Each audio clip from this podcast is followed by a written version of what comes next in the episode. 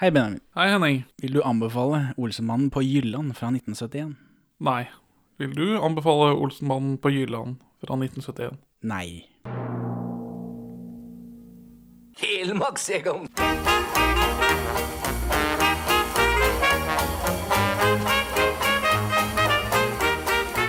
Perla for svin.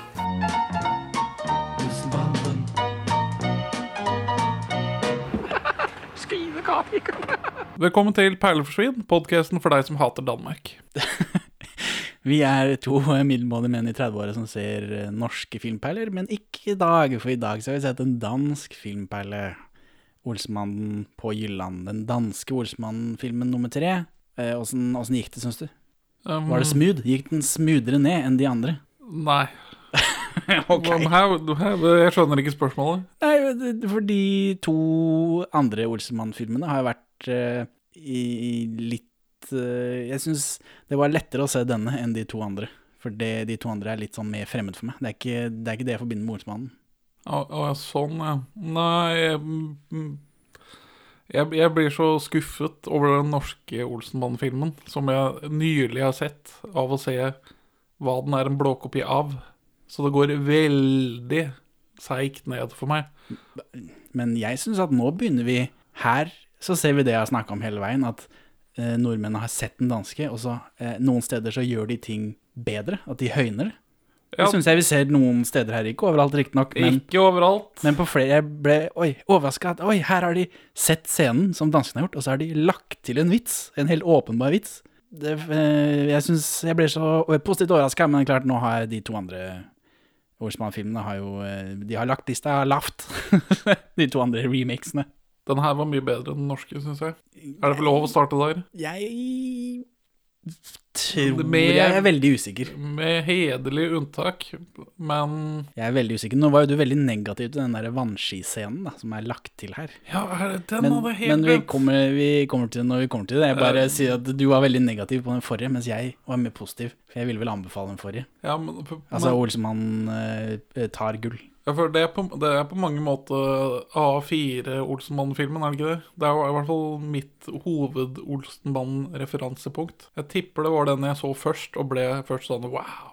Og så bare Nå skal jeg bare spise alt av Olsenmannen helt ukritisk. Jeg husker mye av den som Jeg husker mye av Olsemann tar gull som Olsemann tar gull, i motsetning til de andre Olsmann-filmene som bare blir en sånn Som ikke klarer å skille fra hverandre. Sånn Olsenbanden-mukk.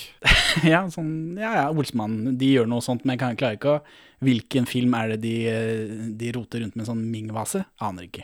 Men, eh, men når vi snakker om det, da, så vi gir jo poeng eh, til disse filmene. Ja, Eh, Og, nå er jeg spent. og poeng Jeg vil bare påpeke at den som vinner poengdelen, det er ikke det samme som hvilken film som er best. Nei. Men her sånn så er jeg såpass usikker, så jeg lurer på om ikke jeg skal la disse poengene bestemme. Men du jo, har jo bestemt deg, da. Mens jeg Jeg vet ikke. Det er for jeg syns begge filmene har åpenbare ting som er bedre enn den andre. Og så er det begge filmene har ting som er dårligere enn den andre, og så er jeg ikke helt sikker på hvem som har mest av hver. Men det er jo derfor vi gjør dette. Ja, altså, for jeg, jeg, jeg sliter veldig med å se hvor den norske Olsenmannen hever materialet. Jeg har notert et par steder. Ja, jeg er veldig spent, men jeg har også notert meg poengene underveis der jeg har reagert på hvor det trengs å utgis poeng. Ja, det, vi, men eh, vi begynner da med den danske filmen er 1 time og 41 minutter lang, mens den norske er 1 time og 31 minutter lang. Så nordmennene har altså klart å barbere 10 minutter. Det er vel et poeng til nordmennene. ja, det Men jeg syns ikke, ja, ikke det gjør noe verken fra eller til, men du har jo sterke meninger om dette, så da blir det ett poeng til Norge der. Det er to år siden sist Olsmann-film, akkurat som med den norske. Eller den norske kommer i 72, da, så er det siste Olsen, norske Olsmann-film var i 1970, mens denne kommer i 1971, og siste danske Olsmann-film er i 1969. Og jeg nevnte jo det her forrige uke. Hvorfor? Husker du hvorfor? Henning Balling eh, var utslitt.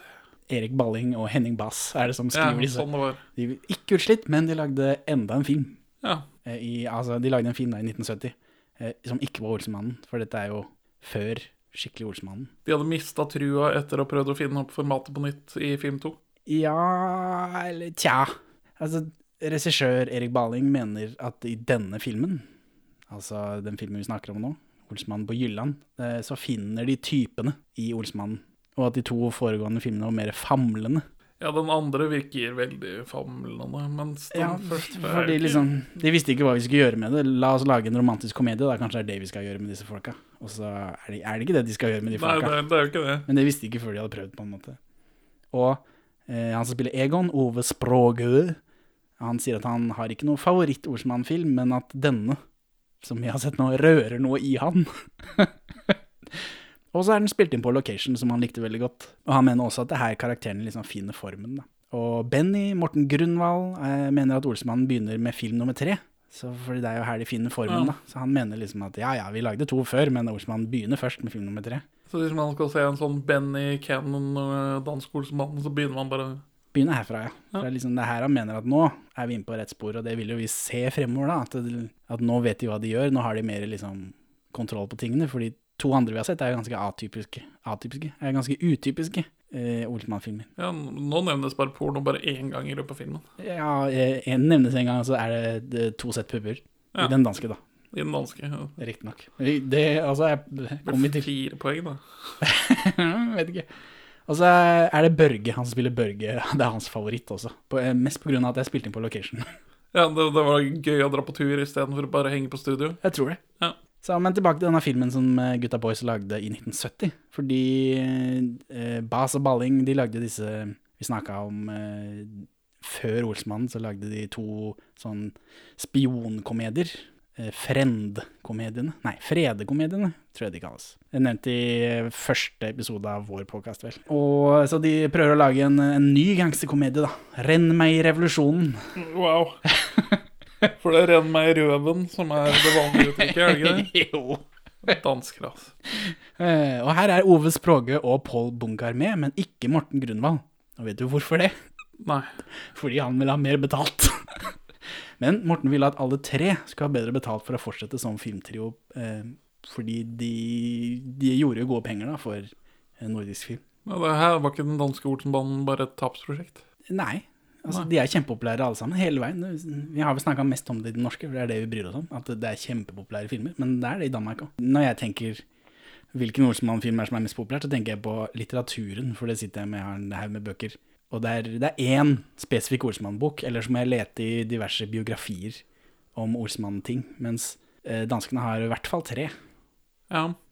Men eh, det virker som om de danske Olsenmann-entusiastene er hardere enn de norske. Mens det virker til å være en bredere folkelig appell ved de norske.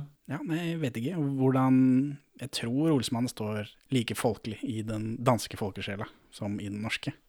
Vi har, de har riktignok ikke Egon-restauranten hvor de kan gå og feire Olsmannen. Nei, altså Men det er det vi, derfor vi er her, da. For å finne ut hvilken, hvilken Olsmann-versjon er best. Hvorfor heter det ikke Jensens Bøffhus, bare Olsens Bøffhus? For faen, er ikke nett usikker. Morten Grunwald ville at alle tre skulle ha bedre betalt, ja. Eh, og han, fordi han ville det, så ble han vraka fra Renn meg i revolusjonen. Og så da filmen floppa, for det gjorde den, så gikk nordisk film eh, med på kravene hans da, til den tredje Olsmann-filmen. Ah, Mm. Hvor mye får man for en hovedrolle i eh, Olsmannen i 1970, tror du? I danske kroner. Mhm. Eh, og Nordmennene betaler jo 50 000 norske for å kjøpe manuset, hvis ikke jeg tar helt feil. ja, jeg tipper en, en, 25 000 danske kroner. Egon og Kjell får 40 000, mens Benny får 45 Wow. For han måtte tydeligvis ha litt ekstra for å gidde å komme tilbake. Eh, og hvor mye tror du Yvonne får? Altså, Kirsten Waldt, da. Mye får Valborg for å være med på dette? 15 000. 30. Så Mm. ikke like mye som gutta, men ikke altfor Det lite var heller. ikke så gærent heller, nei. Filmen er eh, filmet på Jylland, åpenbart. Mye på Hanstholm. I motsetning til det norske, der hvor de knapt dro ut av Oslo by. Ja. Og bare løy. Og mens de filmer dette, så driver Kjell, da, Pål Bungar, og opptrår i Sirkusrevyen i København, så han måtte ta privatfly frem og tilbake hver dag. Det var jo det disse nordmennene ville unngå, da, at de, for de dagpendla jo bare, alle sammen. Ja, lurt på sitt vis. Og så er det Ove Werner Hansen. Husker du hvem Ove Werner Hansen er? Uh, Hermansen. Er Han som spiller Biffen. Han som spiller Biffen? Ja. Han som spiller Biffen? Ja, Han er ikke med i den filmen her, Nei. men det er fordi han ble klippet ut. Så Han, vel, for han spilte en kjøpmann som ble klippet ut. Det, han spilte ikke Biffen, men han, dette ville vært hans første Olsenmann-film. Hadde ikke vært for at han eh, lå igjen på klippegulvet. jeg antar han er død. Han er død nå, ja. Men han også holdt ut ganske lenge. Ja, Ja. han virker ikke som en sånn livsglad type.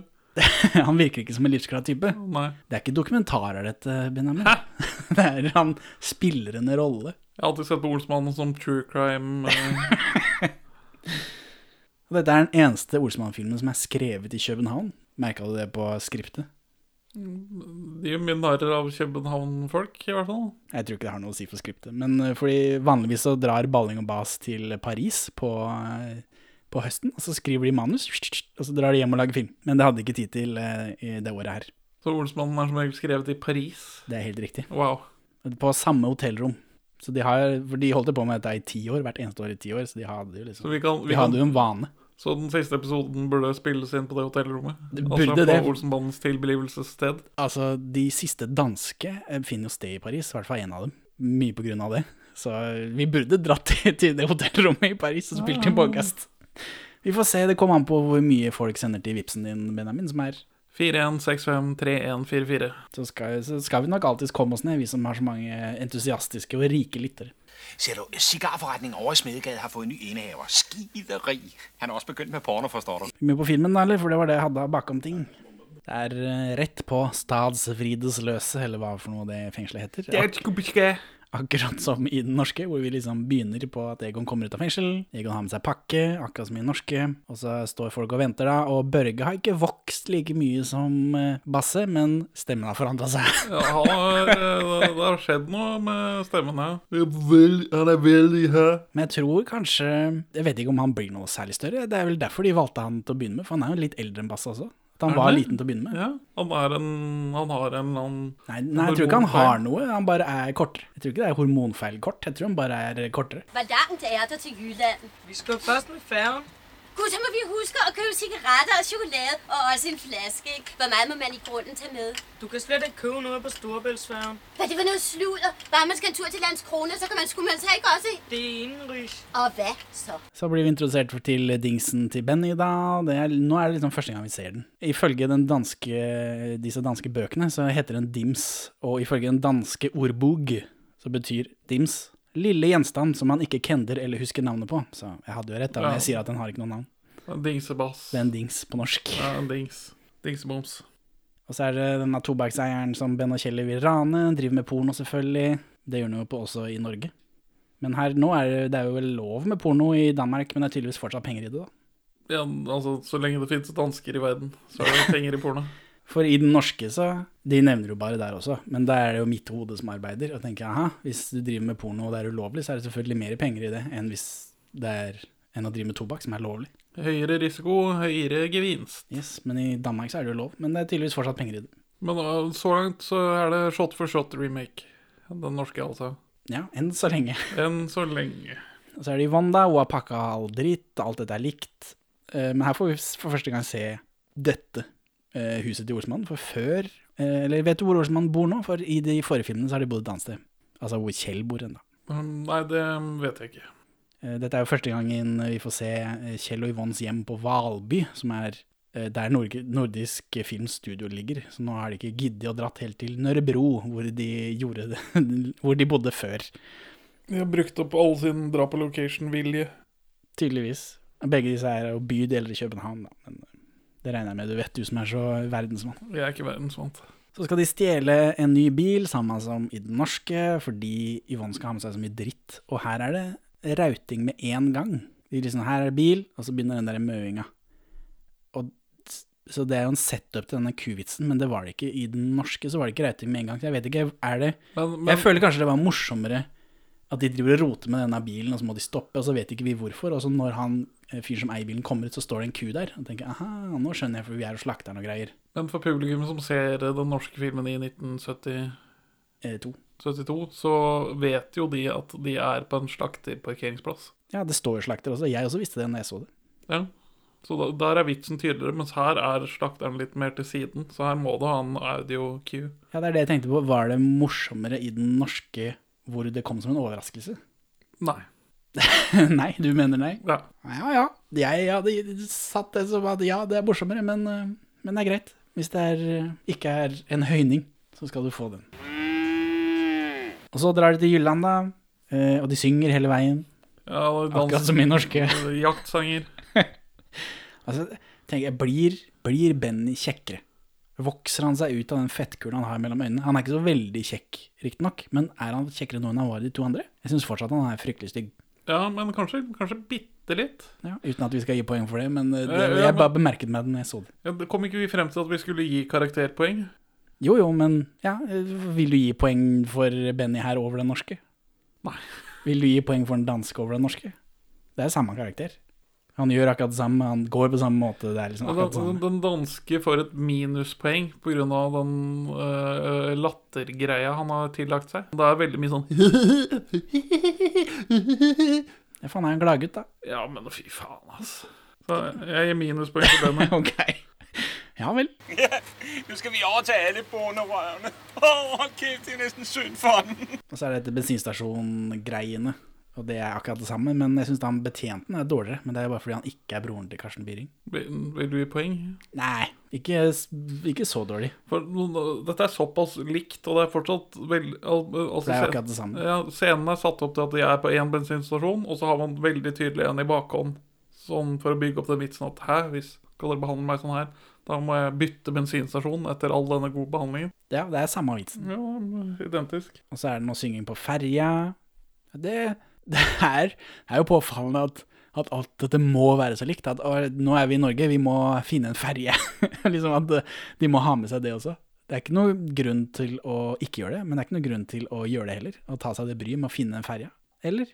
I Danmark er det vel nødvendig, tror jeg. Ja, altså, I Danmark så må du, men så ser disse nordmennene de og tenker ja ja, istedenfor bare kjøre rett, så tar vi tar ferja, liksom, vi filmer det også, og så synger de der. Men Men er, ikke, er det ikke en legitim reiserute til Sørlandet og Ja, ja, ja. Altså, det er ikke Jo, jo, det er den veien man gjør det, men det at, at de føler de må ha med hvert eneste shot, på en måte. Det, De kunne fint bare kutta det ut og så kommet fram, så hadde du spart deg det halve minuttet de driver og synger på en ferja. For det er ikke så gøy. Det er ikke noe humorpoeng at de synger på Bastøferja. Nei, altså humor, humorpoenget er det der eh, taxfree-vitsen. Det er den eneste grunnen til at ferja er med. Ja, men de hadde ikke trengt å filme ferja, tenker jeg. Men eh, det gjør ingenting at den er der. Det er bare det er påfallende at alt er så likt. Det har vi jo sagt i to filmer nå, så det Bearbeidelse av manus meg å bli ræva. Altså, jeg fant et, jeg fant et klipp av Knut Bovin snakker om, den siste Eller han snakker om generelt, da, eh, om Olsmannen, men det er i forbindelse med den siste filmen. Eh, at de fikk de norske Eller de danske manusene, og så bearbeidet de til norsk. Og så spør eh, intervjuet ja, som for eksempel hva da? Og så, så er det snakk om etter, I den siste danske, eller den siste norske filmen så er det, det er noe sånn forbrenningsanlegg hvor de brenner statlige hemmeligheter og sånt noe. Så snakker han om alle de norske tingene de putter opp i den forbrenningsanlegget. Og det er jo bare, ja, det er eh, detaljer. Du har bytta ut liksom, skriften på en koffert. Jeg, ok, er det det som er bearbeidelsen til manus, liksom? Eller be bearbeidelsen av manus? så det er ikke det største. Hadde han lagd Olsmannen i dag, så hadde han bare putta manuset i Google Translate og kjørt derfra. På hvilken måte er det blitt en norsk film? Nei, vi har jo mye aktualisert en del, da. Vi har uh, destruert uh, AUF-saken, Brust- Brustadbua, uh, hoppskiene til OL-troppen bl.a. Så eh, det er liksom noe annet vi har enn danskene. Som sagt, jeg er positivt overrasket over eh, denne adopsjonen, men lista ligger lavt. Men når, når det er i, i, i Jylland her, kontra det norske, så er det eh, tydeligere den ville vesten-greia de prøver å etablere. Absolutt. Ett poeng til Danmark. det, vi kommer jo til det når vi kommer til det. Banden kjører til Danmark, og da kjører vi gjennom Da har vi noen sånne eh, stedsnavn igjen. Er det noen av disse stedsnavnene du kjenner igjen, du som har så mye greie på dansk? Det var Sevel, Film. og så var det Balling. Balling, hvem er Balling, da? Det er han Sven Balling. Nei, det er jo regissøren. Ja. Erik Balling. Eh, Sevel er eh, oppkalt etter Ove Sevel, som er Nordisk Films eh, direktør i 1964 til 82. Lite smugesmisk med en sjef. Og selve byen det foregår i, heter Haugerselv, etter Erik Haugerselv, daværende formann i Filmfonden, forløperen til Dansk Filminstitutt. Var det ikke Haverslev? Var ikke det jeg sa, da? Haugerslev? Når du sa Haugers elv. Ah, ja. ja, Haugerslev er, er riktig, i hvert fall. Sevel og Balling er filmet på location i Jylland, for det er ekte steder. Oh, ja, Så de skiltene er ekte, i motsetning til i Norge. gøy. Altså, nå kjører de bilen, og så Å, nå er vi fremme! Så akkurat som i den norske. Det står til stranden. Ja, og Kjell sitter bak her, han ser helt psycho ut. Minuspoeng til Kjell, det kan vi gjøre noe med en gang. For, for en fæl fyr. Han, ser, han sitter her, og han, har liksom, han knytter hendene, han sitter og hopper opp og ned, med det, og, og så anstrenger den der tjukke grisetrynet sitt. Jeg, jeg blir så sint når jeg ser på danske Kjell. Kjell død. Han er en stygg jævel, han er det. Og så, nå kommer vi til stranda i Danmark, og stranda i Danmark, Benjamin, har sand, i motsetning til stranda i Norge. Ja, det, nå er det sanddynehumor. Ja, men fordi Egon ser Egon kommer jo frem, og så er det ikke noe bunker der. Sånn er det i Norge også. Men han ser ut på flate stranda. Det er litt lettere å se at eh, det er ikke noe bunkers her, i motsetning til i Norge, der hvor det er Svalbard, Svalberg og litt uh, Hvor det er kupert. Svaberg. Svalbard. Svalbjørn? Nei, Svalbard. Men ja, det er en tydeligere se til venstre strand som er identisk, ingen bunker. Se til høyre strand som er identisk, ingen bunker. Det er en tydeligere visuell vits. Mye tydeligere. Så vi kan gi poeng til stranda, da. Sånn Strand, punktum. Så får det dekke resten av strandegreiene også. Så, men det er ikke det at jeg ikke skjønner i Norge, men det er mye klarere her. Og så, eh, Benjamin, så begynner jeg å bli, jeg begynner å bli redd. Jeg liker danske Egon mer og mer. Arve Oppsal overspiller så jævlig. Ja, Mens jeg, jeg kjenner ikke til så godt disse danske skuespillerne, men det føles som om Ove Språgøe kanskje ikke er en sånn revykonge. Nei, det kjennes litt mer ut som en skuespiller. Ja. Ikke en revyspiller, som det burde hete. ja. Vet, stemmer det, eller hva, er det bare jeg som er sånn, med sånn smått blir gal av disse filmene? Ja, Skal vi ja. gi det en film eller to til før vi begynner å gi poeng til danske Egon over den norske? Eller tør vi å gjøre dette? Eh, oh, jeg er på vipperen i. I, mot språket det, fordi han er en tydeligere karakter. Egon, norske Egon. Egon føles bare som noe han finner på der og da. Han bare Ja, dette står i manus, da gjør jeg et eller annet dramatisk med det. Ja, ja, altså Jeg blir mer og mer for danske Egon. Han, Eh, og jeg blir, jeg blir Jeg er redd. jeg er redd for at jeg skal ende opp med å like like danske Egon bedre enn norske. ja, for jeg, ja, det er skummelt å gi ham poeng, da, men Det vi, han får få et par filmer til. Men eh, jeg ser jo hvilken vei det går, så får vi se da om, det, om Arve Oppsal klarer å ta seg inn. jeg holder ikke pusten. Vi er forresten i, i studio Lillestrøm i dag, så hvis du hører noen biler i bakgrunnen, så eh, be beklager vi. Og så kommer den scenen hvor de sitter og sulter ute på den øde prærien med noen sånn dyre skjeletter og noe greier. Og her er det 100 000 ganger tydeligere, fordi de sitter faktisk på, de sitter på prærien. Det er sand overalt. Dette er jo en ørken. Og så er det liksom, det er liksom flatere og danskere og det, det, Ja, den western-humoren kommer mer igjennom. Ja, det er flatt og øde, og du ser liksom langt av gårde, mens i den norske så er det mer kupert. Men det er samme poenget til stranda, så det blir ikke noe mer av det. Ja, altså, Men de fikk poeng for western i stad. Mens eh, jeg syns Norge får Altså den shotten fra Egon som er forbanna og sitter ved et skjelett som zoomer opp til han. Den norske shotten var penere enn den danske, og siden det som regel ikke skjer, så jeg får et poeng til Norge på skjelettshot. Jeg er imot det fordi det helt tydelig er prærien i den danske. Mens i den norske så er det jo grønt og, og kupert. Ja, danskene har fått, fått et poeng for prærie. Ja, ok, Mens- Så du vil ha ett poeng til begge? Ja, ett et poeng til Danmark for fungerende westernsetting. Ett poeng til Norge for billedkomposisjon. Ja. Det blir den ene gangen Ja, okay. de norske filmene får det, så Og så kommer Så kommer denne uh, tauebilen ja. med Hvem er det som spiller han tauebilfyren, da? Det er jo Dynamitt-Harry, da. Ja, Preben Kaas. Eller Kaas, det er to r. Hva, hva skal vi hva, For første, hva heter karakteren? Det er jo lille gutt i Norge. I Danmark så er det Bitterød. Lille ræv. Er det det det betyr? Det må jo være det. Det føles som om bitterøv er et uh, uttrykk de bruker i Danmark som lillegutt, på en måte. At det er et sånt uh, her kommer liksom Her kommer lillegutt, ja, der kommer bitterøv. At det er Jeg har ikke sjekka det, men det føles som om Det er ikke som om i Norge han hadde het Lilleræv. Her kommer Harald Heidesteen, Lille, Lilleræv. Nå har jeg oversatt fra bitterøv fra dansk til engelsk, og da blir det tiny ass. ja ja, men det høres ut som det er et uttrykk på noe. Oh, ja, ja. Sånn drittsekk, det betyr ikke faktisk en sekk med bæsj. Det er sant. Det er liten rumpe. Skal vi Bitterøv Røv er også et etternavn. Ja. Virker, jeg får ikke noe sånn spesifikke treff på at bitterøv er en greie. Nei, det, det, altså, det forundrer meg ikke om i Danmark at det ikke er en greie. Men, men jeg med mitt norske sinn prøvde å, liksom, å legge om. Jeg får bare opp porno når jeg søker opp bitterøv, så det ok. Ja, det, ja, men det er greit. eksklusivt. Det er greit. Da kan vi legge den død. Hva syns du om eh, måten eh, Preben Kaas portretterer eh, Bitterøv her? Jeg husker, jeg, jeg mener å huske at jeg ble litt støtt av Harrys, den norske Harrys tolkning. Harald Heidesteen, ja. Jeg er ikke lenger støtt av hans tolkning. Nei.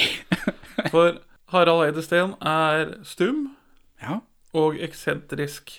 Kanskje ikke så veldig inkluderende Altså, han, altså er, han tillegger kanskje ikke noe visibility til den stumme befolkningen. Den, den tause majoriteten. eh, men han det, det var ikke lytehumor. Han gjør slapstick-humor. Her, er det- her er det lytehumor. Altså, Preben Kaas er jo mer åpenbart psykisk utviklingshemmet. Ja.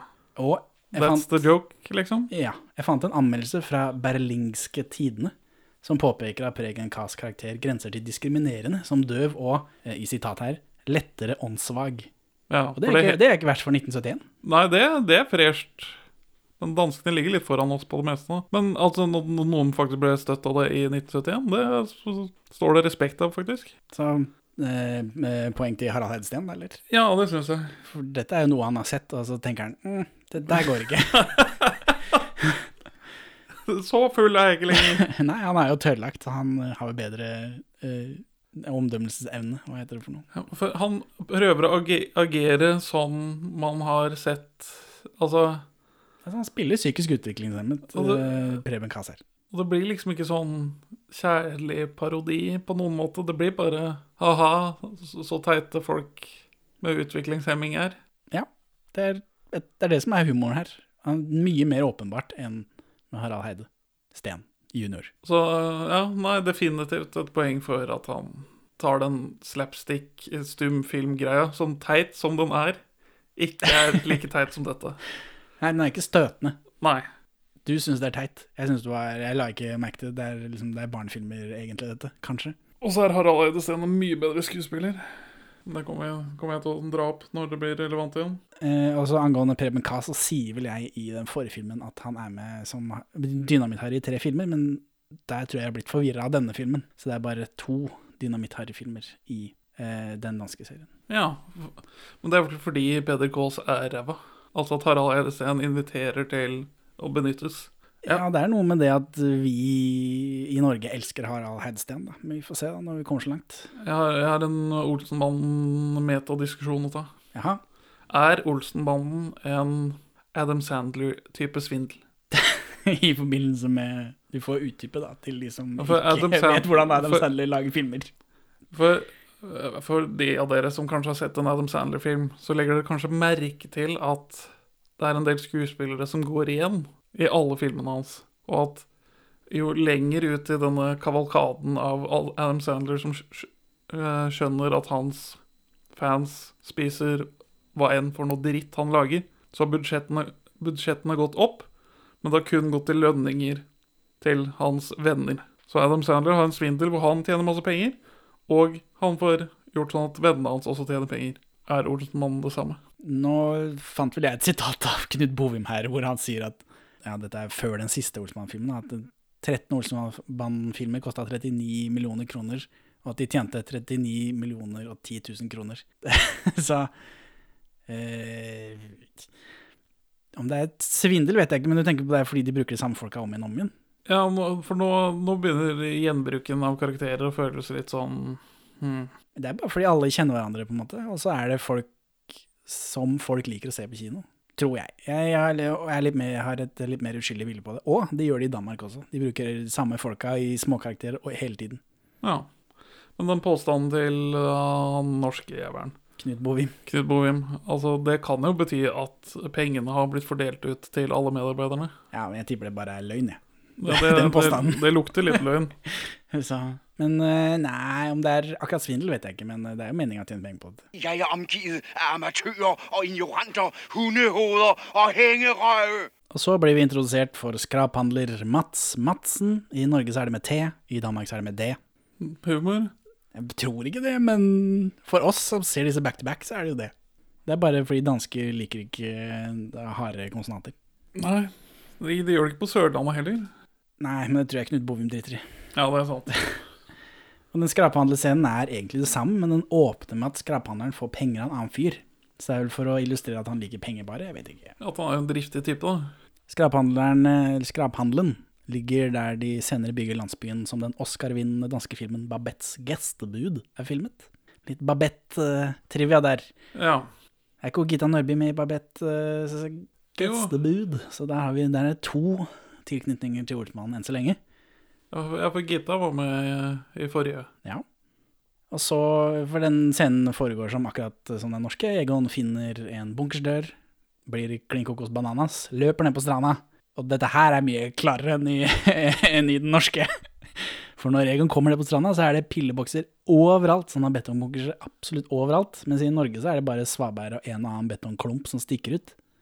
Ja, men altså Det danske te terrenget innbyr jo til en annen form for bunkerbygging enn det norske. Ja, ja, og da blir det jo mye klarere. Men de kunne funnet et flatt sted i Norge også, og filmet dette på. Jeg er sikker på at de har i hvert fall Ja, men- slette eh, i, på Sørlandet et eller annet sted som de kunne Om de hadde, om de hadde villet gjort det klarere, så kunne de fint fått det til. Men, ja, men du hadde ikke hatt de bunkerne i Norge på en sånn slette? det har ikke noe å si, Benjamin. Det er film. Det er ikke på ordentlig. Ja, men du må jo ha bunkerne der for å ha det Altså, Men her ligger bunkerne rett på stranda. De hadde klart å finne en rett strand i Norge, så hadde bare Knut Bovim bare giddet å lete. ja, men det hadde ikke vært noen bunkere der. Men de kunne jo satt opp i papp, da. Det er jo det er vanlig å lage rekvisitter når man lager film med dem. Det plager meg ikke noe når jeg så den norske, men når jeg ser den danske, så ser jeg jo det at det er mye, mye klarere. Jeg vil gi poeng til danskene her, fordi det er så utrolig mye klarere.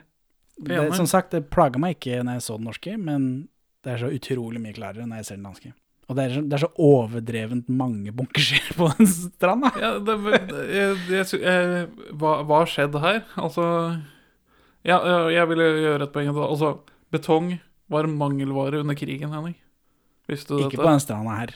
Ikke på den stranda her. Mens i Norge så kan du spare litt betong på å bore deg ned i fjellet og bare ta betong noen få steder. Mens i Danmark så er det bare sand. Ja, men jeg, tenkte, når jeg så dette, så tenkte jeg, "Er- det ekte, eller er det matte paintings? Har de satt opp noe, eh, bare malt noe betonglignende greier og satt i bakgrunnen? For det var så utrolig mye av Ja, det. det, ja, det henger ikke Overalt. Det, hva, hva, er det som, hva, hva er det som har skjedd her? Jeg vet ikke, jeg vet ikke om det er et ekte sted, eller om de har satt opp mer for å overdrive, som en ordentlig filmskaper ville gjort. Knut Bovim. Men betong er jo fortsatt ganske dyrt, da. Ja, altså, de, jeg, jeg sier ikke at de har sagt opp ekte bunkers. det kan være pappmasje. Men uh, Danmark driver jo for renner ut i havet, da, så de har jo ikke, antageligvis ikke ligget sånn de gjør der og da under krigen. Nei, men de, det er jo 7000 bunkerser helt oppå hverandre. Ja, det, det, det, det er et fantastisk sted for en kunstfilm. ja. Danskene har ikke den der Scooby-Doo-greiene som de norske har. Hvor de liksom går inn i et høl, og så kommer de ut av et annet høl. Det gjør nordmennene, men ikke danskene. Ja, her har jeg gitt et poeng til danskene. For at ikke de har det. Ja, for denne sekvensen er kortere. Ja, altså Jeg syns ikke det var noe gøy i den forrige filmen, men jeg ser at her har de prøvd på noe. De har lagt til noe. Nord Knut Bovim har lagt til noe til den danske. Hvor fantastisk er ikke det? Det, blir, det, er, ikke, jeg, det er ikke godkjent, men han, de har prøvd. Du vil nesten gi ham poeng for å ha prøvd? Jeg vil nesten ned, Men så det første min gut reaction var jo å gi poeng til Danmark fordi de ikke har det med. Men så tenkte jeg på det at her har de faktisk lagt til noe. Har du sett Ja. Men eh, det gir, gir poeng til danskene da, ellers, ellers så kan vi stryke poenget. Ja, det ser veldig dårlig ut for Norge så langt.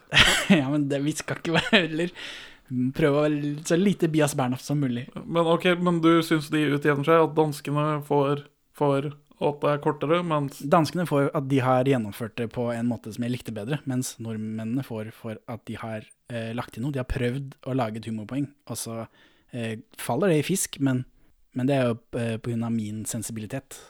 Så jeg vil utjevne. Jeg vil si at det er ikke noe poeng til noen. utjevningspoeng til Norge Altså ikke noe poeng til danskene, det er greit. Ja. Mens den norske sekvensen, vet du hva den minner meg om? Har du sett Leonard, Leonard Nimoy-musikkvideoen Bilbo? Det har jeg. ja, for det er det Svalbard, Svalbard-greiene. Folk som driver og hopper opp og Ja, nei, det var ikke, det var ikke gøy i norske, men de har prøvd seg på noe. Og det at eh, dette er et stort steg for Knut Bovim, at han ser på manuset og så gjør noe annet. Prøver å gjøre ting bedre. Og så er det tilbake, for nå finner du den bunkeren, og den bunkeren, den danske bunkeren ligger ute i vannet. Så da gir det på en måte mer mening at de må under vann også. Men det plaga meg jo ikke noe i den norske. Jeg skjønte jo det at liksom at de, de har en oversvømt gang, men det gir på en måte mer, mer mening i Danmark, fordi den bunkeren ligger ute i vannet. Du må vasse ut den. Ja, det henger med Ja, men Jeg gir ikke gi noe poeng for det. Nei, nei, Jeg føler han, De har fått poeng for den bunkerstansen allerede, men det gir Det var klarere hjem, da. Ja, siden film er et visuelt medium. Så er, ja, og den, den bunkerstranda er et ganske striking visuelt bilde. ja. Men nok bunkersprat. Det, Det er aldri nok bunkerprat. det er dekka nå. Velkommen til mitt uh, bunkersprogram på AM-båndet. Ja. Så, men de har den vitsen der hvor eh, Egon detter ned i vannet, akkurat det samme. Og så skal de leie hytte. Det gjør de også på tysk, for det grubla vi jo på i den forrige filmen. For det skiltet er også på tysk. Men det henger også med på grep, da, siden det er ikke så veldig langt til den tyske grensa. Nei, men de gjør det i Norge også. Så, men eh, samme kan det være. Så er det, blir vi introdusert for militæret. Militæret leser porno, ikke Stumperud. Veldig danskt og fint. Veldig, veldig, veldig, veldig danskt og fint. Og så er det denne løytnanten er spilt av Peter Steen, han som spiller eh, Mortensen, da, den danske Hermansen. Eh, eh, Sverre Wilberg var jo ikke med i den norske versjonen i det hele tatt. Og så er det de toppløse damene. De er selvfølgelig toppløse. De ligger ikke eh, bare på magen, sånn som i den norske. Så der fikk vi svar på det.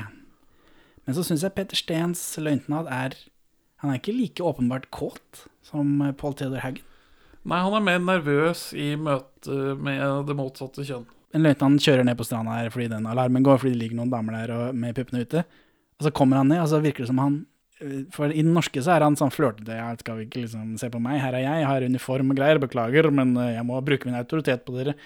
Mens eh, Peter Steen, den danske løytnanten, han vil oppriktig advare om livsfare. Ja, men han, Han er redd for at de skal dø. Eller liksom han Her, dette er et farlig område, dere kan ikke være her. Han, han er ikke like grisete.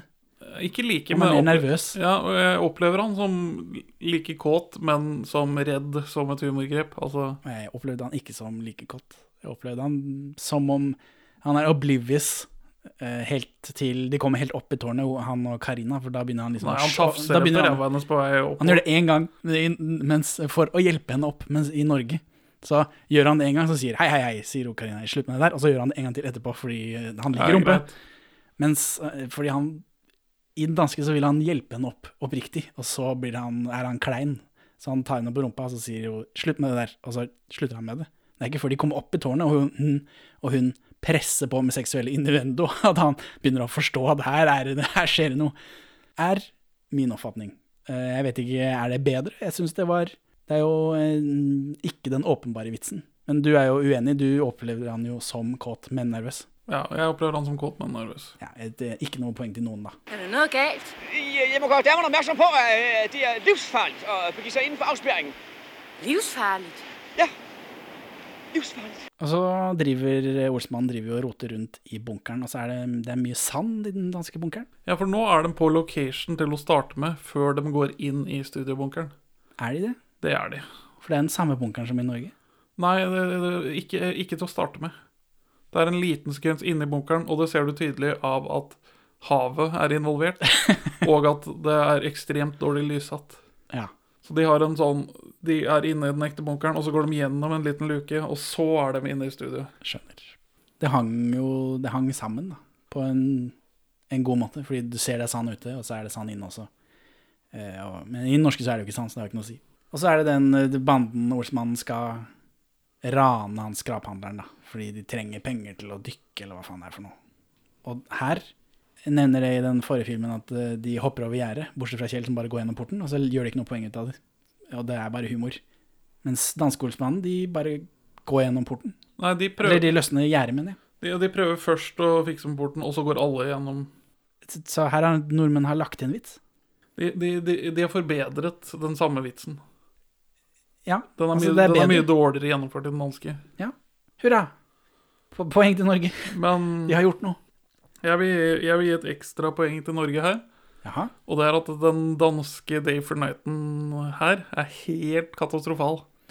Nå, jeg har vel lest i disse bøkene at de, ja, altså regissøren og de, de sier da at de gjør det med vilje. Ikke Day for Night eh, bruker de ikke det som, eh, som eksempel, men de bruker det der back projection når de kjører bil.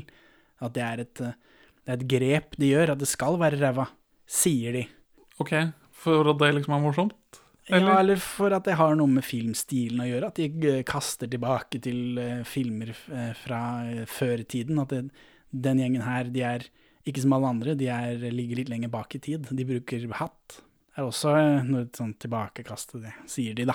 Ja. Men om det stemmer eller ikke, det vet jeg ikke. At, eh, for det påpekte vi i den forrige filmen, tror jeg, at det der rear projection-greiene var så fryktelig dårlig. Og, og det mener de. De sier det i etterkant iallfall at det er gjort med vilje. Jeg vet ikke om det stemmer. Nei, det føles bare som at det var den billigste måten å gjøre det på. Det kan hende det er, eh, win-win, da. Det er den billigste måten, og det er sånn vi vil ha det. Men den norske Day for Nighten er ikke, st står seg ikke like tydelig ut. Hvor, den, hvor det her er det fortsatt blå himmel, bare at mørkere. Jeg vet ikke. Er det poeng til Norge, mener du? Jeg mener det er poeng til Norge. Og så Madsen har et Frans Jæger-pengeskap, da. Det er jo første gang vi ser Frans Jæger. Ja, for det er ikke, det er ikke Frans Jæger i Nei, for det var det noe som ikke vi klarte å tyde.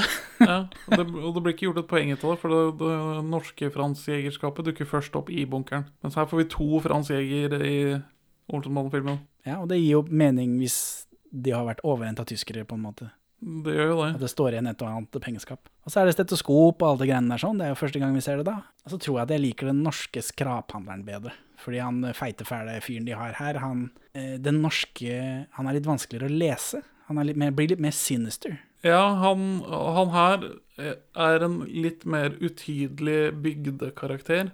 Mens han norske er en mer tydelig sånn luring på bygda erketype, syns jeg, syns jeg jo. Og så er han Det norske er jo vesentlig penere, da. Ja. og da gir det mer mening når han og Karina kommer sammen til slutt. ja, for det henger ikke på greip her. Altså øh, eh, Altså, en nier kan ikke date en toer. Altså, Altså, det, er, det er jo vi begge levende eksempler på, er vi ikke det? At det går. ja, det er sant. Det er veldig sant. Men Ja, det går jo. Men altså, han danske, den danske versjonen er jo en tjukk, vesentlig eldre fyr, mens det gir mer mening i den norske. Ja. Han, hvor han er en normal utseende fyr på mer eller mindre samme alder som Karina. Ja, bare at han er en fyr som har levd på landet, og hun har levd uh, glam-livet. Så det, det, det Og det virker Det blir mer etablert at de har kjent hverandre i den norske. Ja, fra før av. For, men fordi blir begge filmene som refererer til liksom er ikke lille Karina, da. Og i den norske så er det som om han også var liten når, når han kjente henne som lille Karina, mens i den danske så har han vært voksen. Ja. Så det er litt sånn ufint, da. Kom fritt frem, Rico.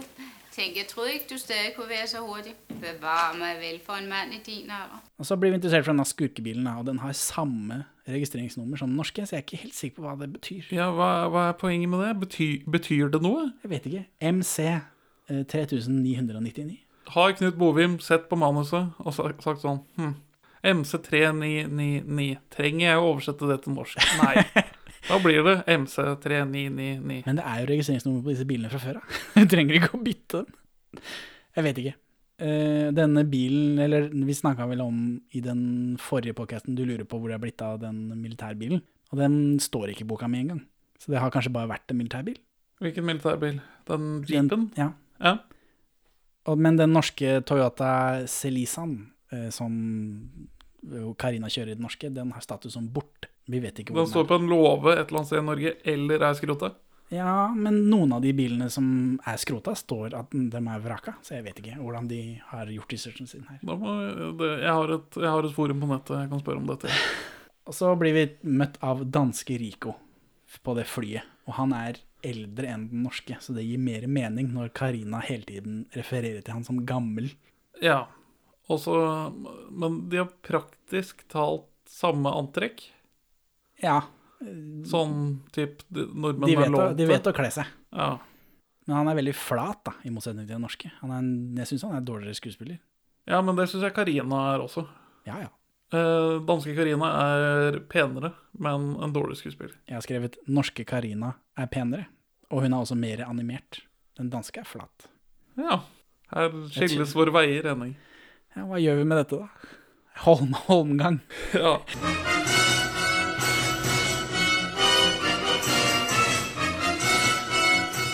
Ja, men eh, hva gjør vi da? Skal, er det danske eller norske Karina eller, Altså, norske Karina får poeng for at hun er en bedre skuespiller. Ja, det syns jeg. Det, det er viktigere enn Ja, hvem av oss som finner henne attraktiv som eventuell partner. Men jeg tror grunnen til at de er så flate, jeg tror det er fordi de skal være kule. At de er liksom smoothe, kule internasjonale forbrytere. Tror jeg.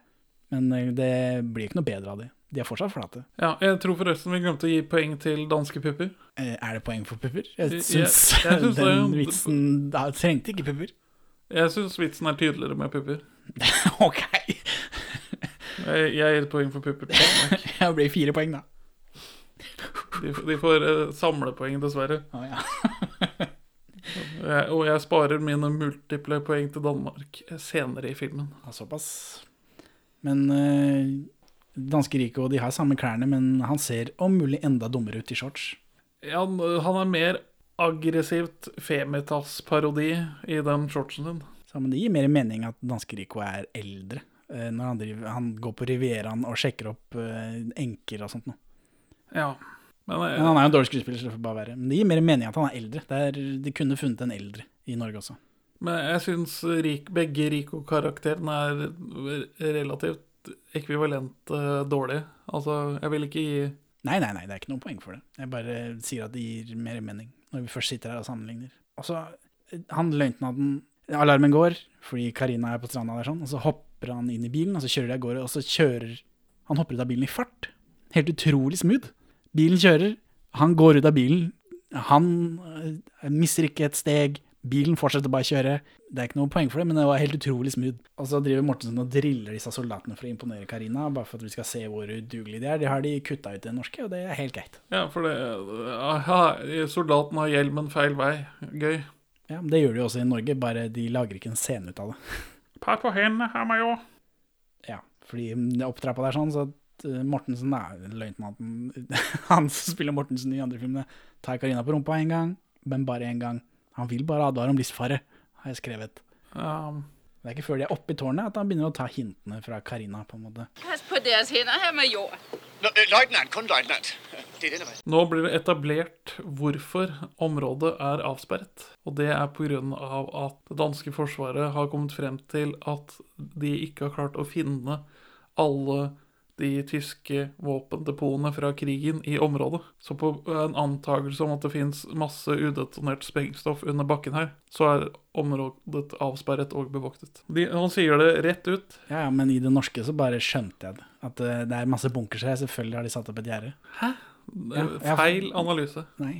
Jo. For, for deg som er rar, så er det Hæ, kan ikke bare sette opp bunkers, eller kan ikke bare sette opp eh, militære områder fordi det er gamle tyske bunkers der. Jeg skjønte at eh, her er det et eller annet som ikke de har oversikt over, så de har satt opp det gjerdet. Hvorfor ikke, liksom? Ikke enig. Ja. Ikke enig. Ett poeng til Danmark. Nei, Jo. uenig. Her Uenig. sier de det rett ut. Uenig. Heldigvis er det jeg som er teller en opp i klippen. usikkerhet. Heldigvis er det jeg som teller opp, i- i klippen. Det er ikke en usikkerhet. Jeg var ikke usikker i det hele tatt det norske. Jo, vi diskuterte det til og med. Hvorfor du, du, du sa det ikke da. Du sa det ikke da. Du har funnet, du har, dette er en etterkonstruksjon. Du prøver å redde æren til norske. Du, du sa det ikke da. Jeg spurte, og du sa 'jeg vet ikke'. Nei, jeg, det er jo bunkers i nærheten. Hvorfor skulle det ikke være en militær der også? Og det er jo, det er jo en granat nedi der sånn, Det er det. som kjører rundt og rundt den rundt. visste ikke de om, og de etablerte Nei, ikke. Han, de sier bare at det er hemmelig i det norske. Hvorfor har de hoppa over det? Jeg gir et poeng til Danmark, for det var så mye bedre. Og det henger så mye med på greip. Og det gjør at når han løytnanten er redd senere, så er det tydelig at han får beskjed om at han skal eksplodere på stedet istedenfor å gjøre noe med det. Mm, Jeg, var ikke, hadde ikke noe problem med den norske, men Det hadde du. Du visste det ikke.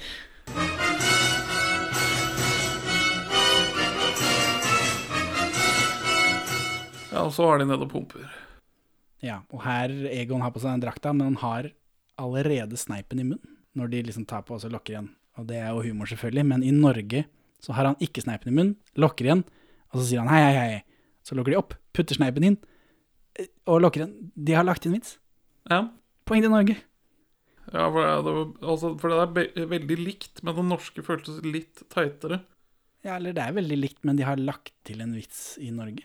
De har sett at her har han sneip For det er allerede humor at han har sneipen i munnen, men at han ber om jeg må ha mer sneip. Det, det, ja. Det er, det er bra. Gratulerer, Knut Bovim. Og så har jeg sett på fallet til Benny når han blir dratt etter den slangen. Ja, jeg har notert Benny går i vannet, men jeg husker ikke hvorfor. Det har tydeligvis stikket seg ut for meg. Det, det, for her er det Det er mer dramatisk i den danske. Mens fallet til norske Egon når han blir dratt i slangen, er bedre enn norske. Ja, men norske Egon er jo vesentlig større, da. Ja. Forutsatt at Arve Oppsal gjør sine egne stunts. Altså, det, språket er det, det er liksom ja, hipp som happ om han står eller ligger. For han er så liten. Litt spedere i den svære drakta. Men jeg vet ikke, det er ikke, det er ikke, bra, det er ikke nok til at det er poeng for det. Nei. Men vi nordmenn har lagt til enda en vits. Ikke bare er det en vits, det er en recurring joke. For den danske Egon går ikke inn i vegger, men det gjør norske Egon. Her sånn så går han inn i den der, for han driver og teller skritt og greier, så går han rett inn i veggen. Det gjør ikke den danske. Han har øyne i hodet, så han ser at her er det en vegg jeg ikke kan gå inn i. Ja. Og det gjør de flere ganger. Han går inn i vegger. Så eh, Ba jeg poeng? Nei. Nei! De har lagt inn vits. Man, man får ikke poeng for eh, mer slapstick. jo, Nei. de har lagt inn vits. De har, de har sett på materialet de hadde, sett at her kan vi gjøre noe bedre. Men Og så gjør de det. Språket går nesten inn i veggen. Men han går ikke inn i veggen. Så det blir morsommere av at han går inn i veggen. Det er humor, ja. Ikke gå inn i en vegg, det gjør vi alle hver dag. Gå inn i en vegg, det er humor. det er sant. det er humor. Det er sant. Ja. Jeg vil ha poeng for det. Hvis du skal ha poeng for den der dumme miltagreien din, skal jeg Ja, ha poeng men da skal du faen ikke ta bort det jævla poenget Nei, hans. Det, hvis jeg får poeng for dette, så er det greit. Egon! Egon, for fanden, kom hjem! Hva annet er det som er forskjellig inni bunkeren her, da? Den betongveggen er på plass. Eh, Egon gir opp, for han skjønner at han må ha mer utstyr. Eller, eh, altså Resten av mannen tror han er død. Så Egon skal finne seg Skal komme seg ut. Og da går han først ut i en ekte kanonstilling.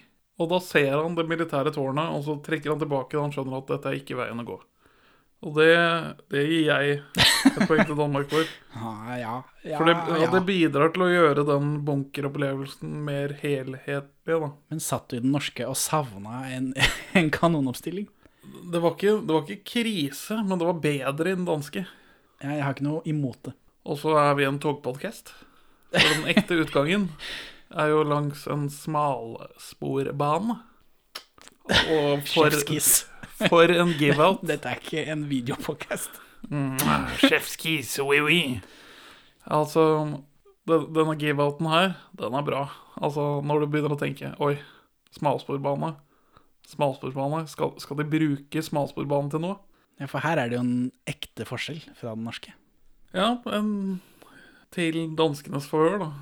Ja, eller danskene gjør jo mye mer ut av det. Det blir bedre for danskene, men det er jo ikke Jeg vet ikke Jeg tror ikke Knut Bovim har sittet og tenkt at uh, nå Den biten her gjør vi om på fordi det er morsommere. Han har jo tenkt at den biten her gjør vi om på fordi dette er det jeg har for hånden.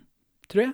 De har vært Altså Knut Bovim og gjengen, de har Jeg vært kan fortelle hva det gjelder først. da. Det er den der smalsporbanen din. De, I den norske så stjeler de en båt og kjører båt til bunkeren. Ja. De stjeler en snekke. Mens i den norske så stjeler de en dresin eller noe sånt, og så kjører de, de kjører tog til bunkeren istedenfor båt. En motorisert dresin av noe slag. Ja, ja, akkurat hva det er for noe. Dette er jo en togpodkast, jeg burde jo vite hva det er for noe, selvfølgelig. Men, eh, Men altså, det, altså den båt, båtsekvensen er så ræva og dårlig. Ja, du tenker på den etterpå, hvor han Kjell står på ski? Ja. Vannski? Ja, jeg er eh, ikke enig. Jeg mener at det er, eh, om ikke bedre, i hvert fall jevngodt med den dresinen. Fy. Det er det dummeste jeg noensinne har hørt. men- Det er det dummeste jeg noensinne har hørt. Nei, det er det ikke. Beklager. Men, eh, men før vi kommer til den krangelen der, så må vi fortsette med resonnementet her. Nå har jeg forklart hva som er forskjellen. Nei, altså Egon sin vei til friheten fra bunkeren er å følge dette smalsporet ut.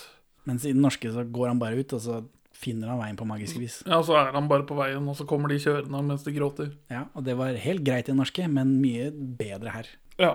Det er dosering, der er det viktigste. Det sagde jeg alltid. Så kommer detonatorerne. Skal vi bare have forbundet. Og så skal far her vise jer, hvordan man blæser hul i en betonvæg. Danske-Benny, eh, når han driver med for de skal sprenge veggen, så nevner han dynamitt her i broren sin. Det er poeng til Danmark. Fordi det, At det er litt kontinuitet mellom filmene her. Ja. Selv om Dynamitari er med i filmen i en annen rolle. Han refererer vel også til det som min bror også. Og her får vi også se Skygga Mikken, så jeg vet ikke det, kan, Skal vi trekke for hver gang vi ser Skygga Mikken, så er det ingen av disse filmene som får poeng for noe. Nei. Eh, Karina treffer Madsen, ja, og fordi danske Madsen er feit, så kan hun dra en slankevits som nordmennene ikke har. Så det er en forskjell, bare. Ja, det er ikke noe Nei, nei, nei. Så bitterøv Bitterøv! Jeg får ikke knuse bilen til Karina, men han reagerer ikke på den morsomme måten til Harald Eide Steen. Det, Nå har vi gitt poeng til Harald Eide allerede, Men- for, på grunn av godt skuespill. Nei, vi ga opp Eller På grunn av mindre støtende skuespill. Ja, men jeg syns denne her kvalifiserer til et poeng fordi den reaksjonen til Harald Eide Steen er så fantastisk når han blir avvist på knusebilen. Ja, jeg føler det ligger i samme poenget, men hvis du Ikke enig. Norge trenger all hjelpen de Nei, nå, kan få. akkurat nå ser det ut som Norge leder, Yes. faktisk. Men så skal de snart få 100 poeng for tog. Så Ja, disse danskene, så Og så er det, er det, det er klart da at danske Madsen han er klar for Karina. Han, liksom, han, er, han er klar. Mens den norske Madsen er like cool som Ja, han Karina med er. Han er mye Ja, De er mer jevnbyrdige karakterer. det er jo nevnt allerede. De virker som et mulig par. I Norge, ikke i Danmark. Ikke i Danmark. Og, når, og så er vi inne hos Karina fordi hun skal ha Rico da, til å gjøre noe, eller til å forføre Yvonne. Og det er litt lettere å tro på når, Yvonne har eh, et annet utseende enn Aud Schønmann. Ja. Det, ja. For. Eller Karina sier til Rico i begge versjoner at eh, denne Yvonne eller Valborg eh, er, er fin. og det er litt lettere å tro på i den danske. ja. Er, det, er det et poeng? Nei, nei. Bare, ikke alt som er forskjellig, er poeng, Benjamin. Nei, nei, men, øh, for, men jeg syns den danske Etter at de har klekket den planen, så får vi en dansk silhuett. Altså nå ikke at det er en ekte silhuett. Langs jernbanesporet. Og jeg syns den danske silhuetten var bedre enn den norske i den filmen her. Er det et poeng? Nei, er det det? Da, Det er bare de går i et, etter hverandre, liksom. Ja, men det er noe som kommer igjen i hver film, og nordmennene fikk poeng på det i den første filmen, i hvert fall. Ja, for da var det jo en helt tydelig forskjell. Da, var de, da hadde de danskene hadde jo filma det med lys eh, og laget plakat, og så ser nordmennene se på den plakaten. Her kan vi, her kan vi gjøre noe lurt. Så jeg vet ikke om det Ja, det er greit. Hvor har du? Jeg har kidnappet. Ja, det ved du godt, du ikke må. Ja, Rico prøver å sjekke opp. Ja, og den scenen her er lik. Ja, Kidnapping av Basse Børge er også lik. Jeg hater Børge. Ja, jeg husker ikke om vi ga vi poeng til Børge over Basse, eller omvendt. Ga vi, Vi, poeng til Basse vi har over gitt Børge? poeng, poeng til Basse tidligere, i hvert fall. Ja, men da trenger vi ikke å tenke på det. Du ikke liker Børge. Jeg syns ikke Børge er spesielt eh, god, jeg heller. Men han ser jo veldig rar ut, da. Det er jo positivt. Jeg har også en veldig mørk stemme. Ja, i, akkurat nå. Men jeg antar han kanskje vokser seg inn i stemmen sin, som alle andre Eller, han- tenåringer. eller, eller er han 36 år og har sånn Andy Melanakis Nei, nei, han er barn. Jeg husker ikke, Vi snakka om dette i forrige danske podcast, tror jeg, hvem, hvor gamle folk var i 1970. Men jeg mener han er et par år eldre enn Basse. Og så kommer dette toggreiene. Nå skal danske danskeholdsmannen skal stjele et tog, eller den dressinen, da, mens i Norge så stjeler de en båt. Og i Danmark så, så Eller i Norge så blåses det en fløyte på en tilfeldig kai, og så stjeler de en båt. Mens her så blåses det en fløyte på en sånn, et sted hvor folk jobber med tog. Så det gir jo mye mer mening. Det blir jo Det er poeng for den Det fløytegreiene kunne de bare droppa i norske. Det er poeng for den fløyta. Det kan de få poeng for. Men ikke for toget i seg selv. Nei, vi er jo ja, Vi er jo blitt en togpodcaster. Vi sier det for moro skyld, det er ikke på ordentlig. Ja, ja, men altså At tog er bedre enn snegg. Er- Båt, snekke, er hverdagslig. Smalsporbane motorisert dresin er noe helt annet. Ja, du skal få, ok, da. Du skal få et poeng for det. Og smalsporbane Bare er fordi jeg er i det, glade hjørnet. Men eh, altså, når de kjører den der lille vogna, så driver Kjell og hopper opp og ned i toget, som han også er psykisk utviklingshemmet. Ja, kanskje han er bare er glad i tog, da. Altså, mange sånn som deg, gutt. du òg gjør det. Hopper opp og ned hver gang du kommer inn på eh, Vy. Det er bare, Ja, ja. Kjell er en dårlig karakter som ikke jeg liker. Kommer de fra Jehovas vidner? Hva? Ja, for det har altså slet ingen interesse. Vi er medlemmer av Sosialdemokratiet og stemmer alltid på liste C. Farvel. I Norge så går du inn i den der utedoen eller hva det er for noe, og så stikker de hodet ut. Det gjør de ikke i Danmark. Nei. Det er et humorpoeng, eller? Nei. Nei. Nei. Men de går de, Tre voksne karer går inn i en bitte liten bu, og så klipper de Med en gang de lukker igjen døra, så klipper de til de lukker opp døra, så stikker de hodet ut sånn over hverandre. De har gjort noe. Norge har gjort noe. Jeg, jeg syns det var så umotivert. Men Det er fordi de skulle gjemme seg fordi de skulle vente på den der fløyta som de har på den båten, eller hva det er for noe. De har gjort noe. Ja, men eh, greit, jeg legger det bak i jernbarken, at ikke du gir poeng til det. Så får vi se om jeg kan bruke det mot deg senere. Men eh, her, nå får vi en liten endring, for nå klipper altså nå, de klipper over piggtråd og koser seg med å kjøre smalsporbane. Jeg kan strøsse poeng utover hele greia her, men altså Får ikke du lyst til å prøvekjøre den dressiden? Jeg gjør det. Å ja, nei, det tenkte jeg ikke på. Men vi klipper i hvert fall inn til generalen, nei, løytnanten nummer én. Ja, jeg bare kalte den Mortensen, jeg, for det er jo det, det, er det han er. Og han har bare sin farfar på veggen. Ja, han er Napoleon Eisenhower Patten. Eh, altså Monty, da, nå husker jeg ikke hva han heter i farta. Montgomery. Ja, men hele navnet. Eh, og eh, danskekongen på veggen. Og så snakker han om sablene på veggen. At sablene tilhører farfar. Ja. Så han har ikke bilde av farfar. Oldefar var generelt Det er hans sabel, der henger der. Det er en æresabel.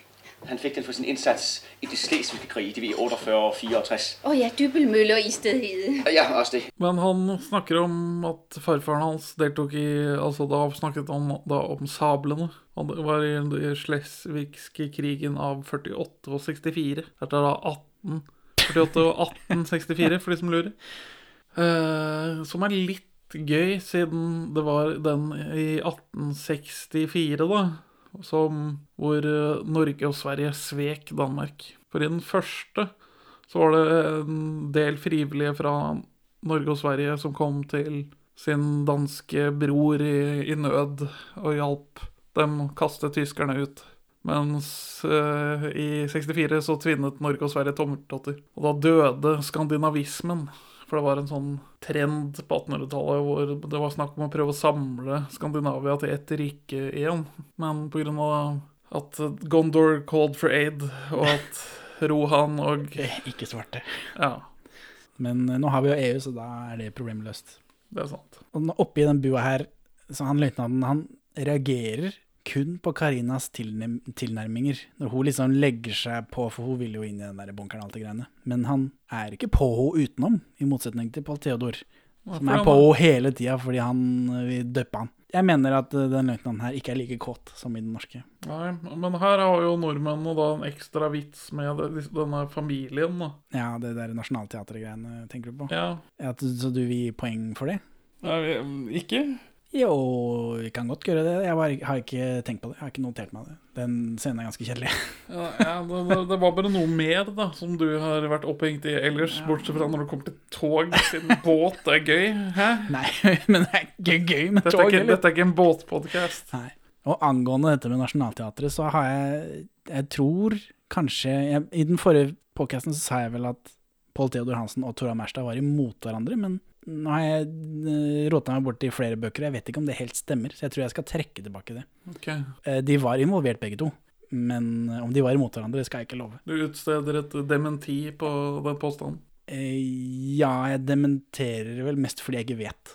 Det, ikke, det kan hende stemmer, kan hende ikke stemmer, vet ikke. Jeg tror jeg bare har én eh, vag internettkilde på det første utsagnet, mens jeg har noen nedskrevne kilder på, eh, på det andre. At, eh, på at de eh, oppfører seg som kolleger senere, og, og kanskje venner, jeg vet ikke. Tora Mærstad virker ikke som han ville vært eh, like kul med Pål Theodor eh, hvis de hadde vært uvenner først. Nei. Fordi han har en del roller og sånt nå etterpå. Liksom. Så jeg vil bare dementere det fra forrige podcast, sånn i tilfelle. Så ikke jeg har gjort noe gærlig Så er det ned i bunkeren. Nå er det dette sprengningsgreiene. Eller de sitter der og, og driller. takka, takka, takka, takka. Og så går den eh, granaten går rundt. Og dette her er akkurat det samme, bare at uh, Kjeld er så utrolig mye dårligere enn Karsten Byring. Sprengning av greiene er mye det samme, bare at Kjell er veldig, veldig, veldig dårlig. Og så blir banden uvenner og alt dette greiene. Ja, for, for vi har det derre banden holder på å bli drept. Ja, ja nei, nå jeg, jeg hoppa av gårde med Jeg stemmer, jeg bomma. Det er feil sprengning. Nå er det, dette er Bennys sprengning. Akkurat samme greie som i den norske. Ja, bare at Kjell er dårligere. Og så blir banden uvenner. Og så driver Rico og utviklingshemmet Harry og slåss. Ja. Samme greia. Samme greiene, bare dårligere begge to, egentlig. Men det er det samme dårlige stuntet her. Ja, men uh, det, jeg syns det faktisk ble litt uh, svakere i den danske. Fordi her er det gjort i, med, med sola i ryggen. Så det er veldig tydelig at skyggen fra, Ja, fra droppen bare- viser at Olsenmann aldri er i fare. Jeg var så skuffa fra den første filmen. Så, det, så, Så er det i Borreby. Så er det i Borreby. Egon sitter og borer, og danske Kjell kan rulle øynene helt bak i hodet når han besvimer etter at han har kasta seg foran Egon, for han, er, han vil ofre livet for Egon. Så ruller han øynene helt bak i hodet. Det, det er sikkert kjekt å, å kunne, men han blir jo ikke noe penere av det. Nei, nei. Blir ikke noe bedre likt heller. Men så blir de venner igjen, og alt er det samme, egentlig. Og så er det det granatgreiene hvor den kjører rundt. Det er akkurat det samme, bare at Kjell overspiller. Ja. Og så lar de huset på toppen, det militærhuset, implodere i Danmark. Mens i Norge så går det i lufta. Ja, det, for, det, altså for det, det, det, det, det er tydelig at det sprenger bak det danske huset, og ikke inni det danske huset. Ja, for i Norge så går, det blir bare pinneved av det. Og her, nå, Benjamin Det er vel poeng til Norge for sprengning. eh, Ja, det kan vi godt. Men nå er det i hvert fall et poeng, fordi den danske løytnanten kjører ikke vannet. Nei, han kjører inn på porten til en restaurant og bestiller en dobbel whisky. Ja, han kjører halvveis opp trappa, liksom. Det er humoren. Ja. Mens i Norge så kjører han ut i vannet. Det er en return av en vits fra første filmen. Men som tidligere fikk da Danmark poeng for at det henger med på greip at løytnanten er så redd. For han har egentlig fått beskjed av sin oberst om at han må bli på stedet. Tross utviklingen som tilsier at snart vil alt eksplodere. Ja, men de, det jobber jo imot det at han Fordi han er så fryktelig redd at han kjører på restaurant for å drikke whisky. Det gir mer mening at han er så redd at de kan se hvor han kjører. Ja, nei, men jeg skjønner, jeg skjønner litt hva du mener, men jeg er ikke helt enig. Det er barnehumor. Så der skal faktisk Norge ha poeng for at bilen går i vannet. Bilen går i vannet er bedre stunt enn å kjøre opp på trappa. Det skjønner du vel? Ja. Smalsporbane er bedre enn Ja, båt. du fikk jo poeng for det. Ja, ja, ja. Fortsatt bitter. Jeg syns egentlig det er sånn fire poeng. Altså, norske, altså Karsten Byring ligger bedre oppå vannet. Eh, for det er en Ja, det- eksplosjon, ikke sant? Og så er de stive av skrekk. Eller han, Kjell er stiv av skrekk, mens gutta boys ligger i vannet. Tydeligere humor. Kjell ligger oppå vannet. Det er tydeligere, men det er ikke noe poeng. eh, Men ellers er eh, den nazibunker-delen helt lik. Ja, men Og så kommer vi tilbake til Altså Hvorfor Egon ser på Hitlers portrett, som jeg antar du skal snakke om. ja, Og så er, er det en feil versjon av hakekorset i bakgrunnen her, som ikke henger på grep. Samme- Altså det er hakekorset til den tyske bilforeningen, eller noe annet. Hvorfor er det på veggen bak en dansk-tysk bunker? Du vet jo like godt som meg at Olsmannen er veldig populær i Tyskland. Ja. Der klippet ut den biten hvor Egon og Hitler ser på hverandre. Gjorde det? Så det er noe i min reaksjon på hvordan de stirrer på føreren. Nei, det er bare at de liker ikke Hitler så mye. De vil ikke ha han med så mye. Men han, han Det er en sånn blanding av Egon og, og Adolf de liker ikke hverandre. Nei, de Jeg vet at du tror det, men eh, nei. Det er ikke Det noe gjensidig respekt der. Han ser på han. Egon ser på Hitler, og så blir han morsk. Og det, er, Han blir det går over et kvart sekund. Nei, altså den scenen her varer i sånn 20 sekunder i hvert fall. Ja, for det deg, ja. sånn ja, ja. Det er fordi du er forkvaklet. Altså, det starter med en sånn æresfrykt, og så Og så ser han litt rørt ut, og så går det over i Og at han er sur. Sur på Hitler. Mm. Ja, for du mener at han Å, der er Hitler. Å, det, jeg blir rørt, for jeg er så glad i Hitler. Men han tapte! er det det du Ja. tenker? Ja. Ja, men det, jeg tror det, er, det sier mer om deg enn det gjør om Egon Olsen. Men så blir de jo forfulgt av Rico, Rico skyter etter dem, og så tar de toget tvers gjennom veggen. Nok et poeng til Danmark, ja. Jaggu. For det, det er sånn ref at Danmark ikke Altså at Norge fikk poeng for at de hadde det der bilstuntet. Ja, ja, altså det, det er poeng, men samtidig så må Norge må dessverre få poeng for at de har på vannski. Nei. Jo. Nei. Det, Det alle skjønner det, Benjamin. At å stå på vannski er noe man får poeng for. hadde det vært gjort bedre Det er helt ålreit. Det er ikke helt ålreit. De filmer right. bare under huet. Altså, ja, greit, vi kan gi et stusslig lite vann, øh, vannskipoeng, men danskene skal få i hvert fall ett til togpoeng her nede. Bare, Nei, det er ett poeng for tog, og så er det ett poeng for at de kjører toget gjennom veggen. skytinga til Rico, da, det er jo Det er, gjør de i Norge også, det, har ikke noe, det er ikke poeng for det. Greit, greit. Det var ikke imponerende på noen som helst måte. Rallykjøringen til Rico kontra den norske biljaktsekvensen. Tenkte ikke over. Jeg, jeg syns den var mye bedre på dansk. Fordi de da- dasser jo bare litt rundt på et inngjerda område i Norge. Hva gjør de i Danmark, da? Det la jeg ikke merke til. Han, han, han, han kjører jo etter dette toget på grusveier og kjører fort. Og, altså det er Det lukter at de har en rallyfører bak rattet. Mens i den norske så var det veldig underwhelming. Ja, det var jo så underwhelming i den danske at ikke jeg la merke til det. Men uh, hvis, du, hvis du brenner veldig for det Igjen, bil mot tog. Men, uh, men for Kjell uh, har jo blitt slått ut av den bomba, og i den norske så våkner han ved at han står på vannski plutselig. Humor.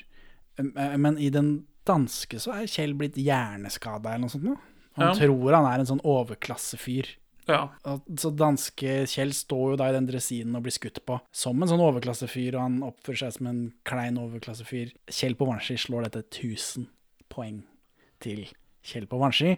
100 000 poeng. Ett poeng. Altså eh, eh, Så du kan ikke si at tjukke danske-Kjell eh, som overklassefyr i dresin er bedre enn Karsten Byring på vannski.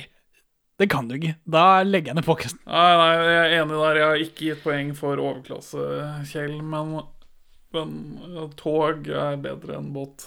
Jeg er trett, eier! Trett! Trett til døden! Men det er et plotthull inni her, da. Å nei.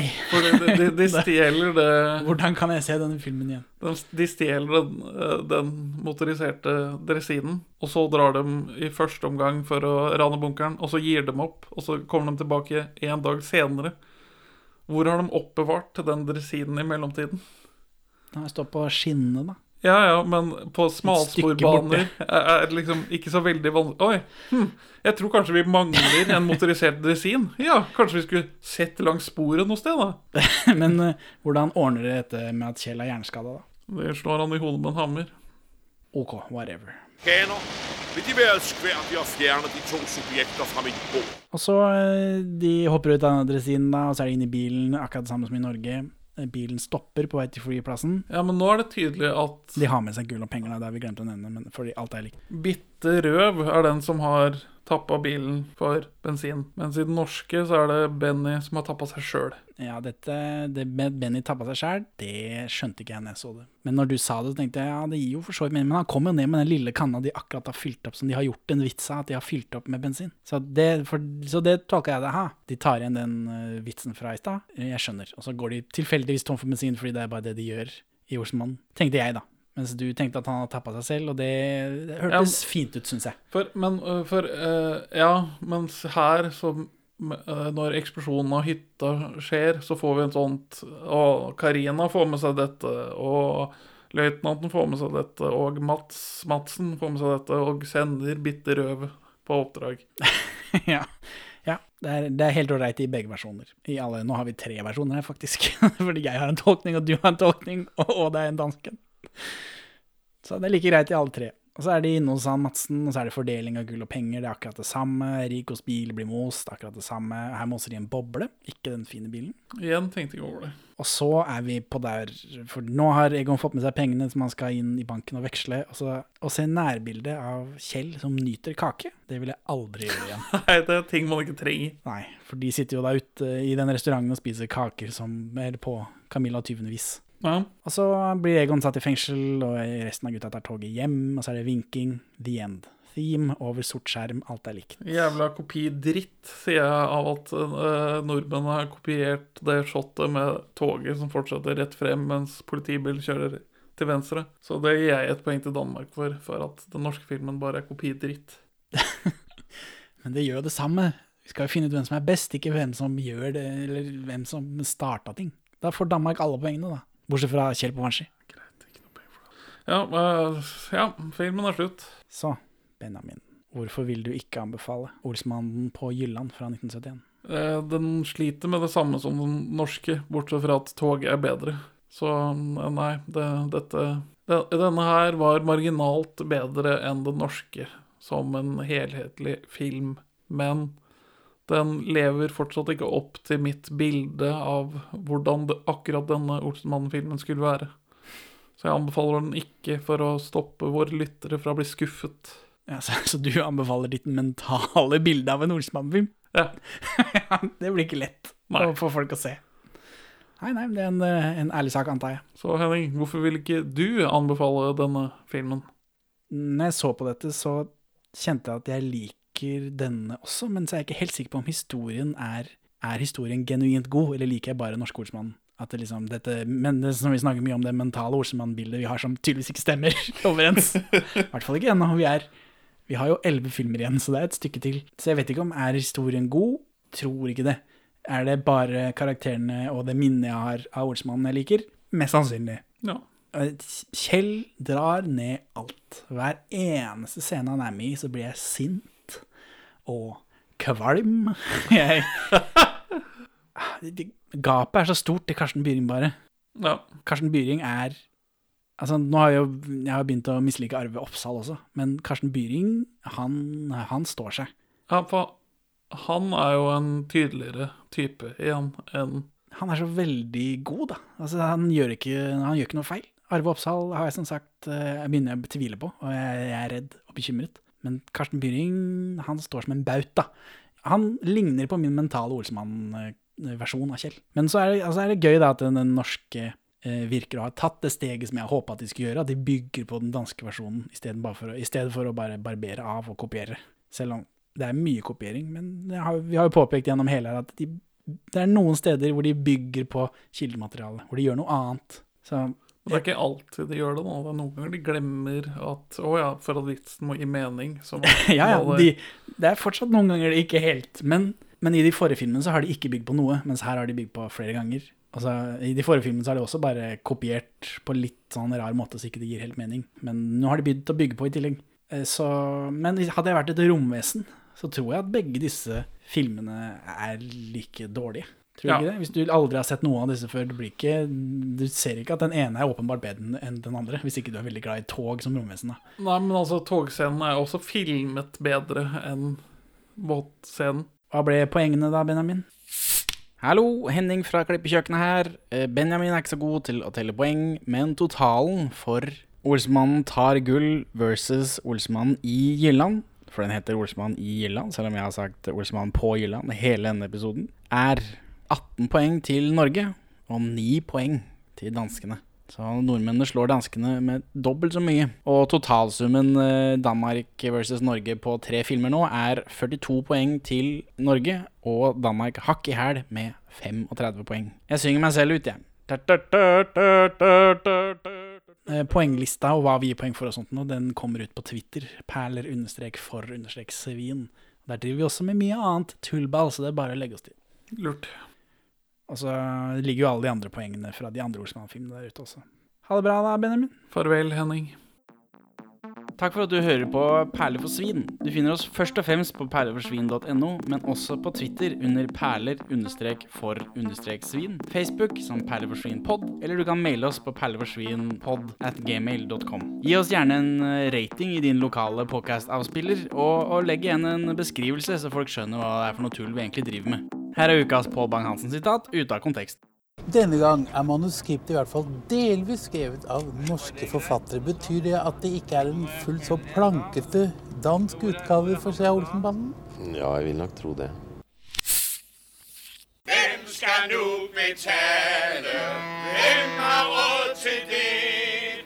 Vi har ingen penger, penger, det er er sket med det? Har du en penn og papir eller et eller annet sånt, eller skal du holde styr på poengene dine? For jeg har telefonen min liggende i gangen. kjenner jeg. Oi, det, oi, hvordan Ja, jeg finner vel på en annen måte å gjøre det. Jeg sender det på SMS til deg. ja, eller- kan du bare ta det opp? Ja, ja, det er sant. Jeg kan gjøre det mens vi klipper. Men da får jeg ikke den summen etterpå. Nei. Da må jeg sette inn den summen etterpå. etterpå. Ja, ikke penn og papir eller noe sted å skrive Nei, det går bra. Jeg setter inn summen etterpå. Det går bra.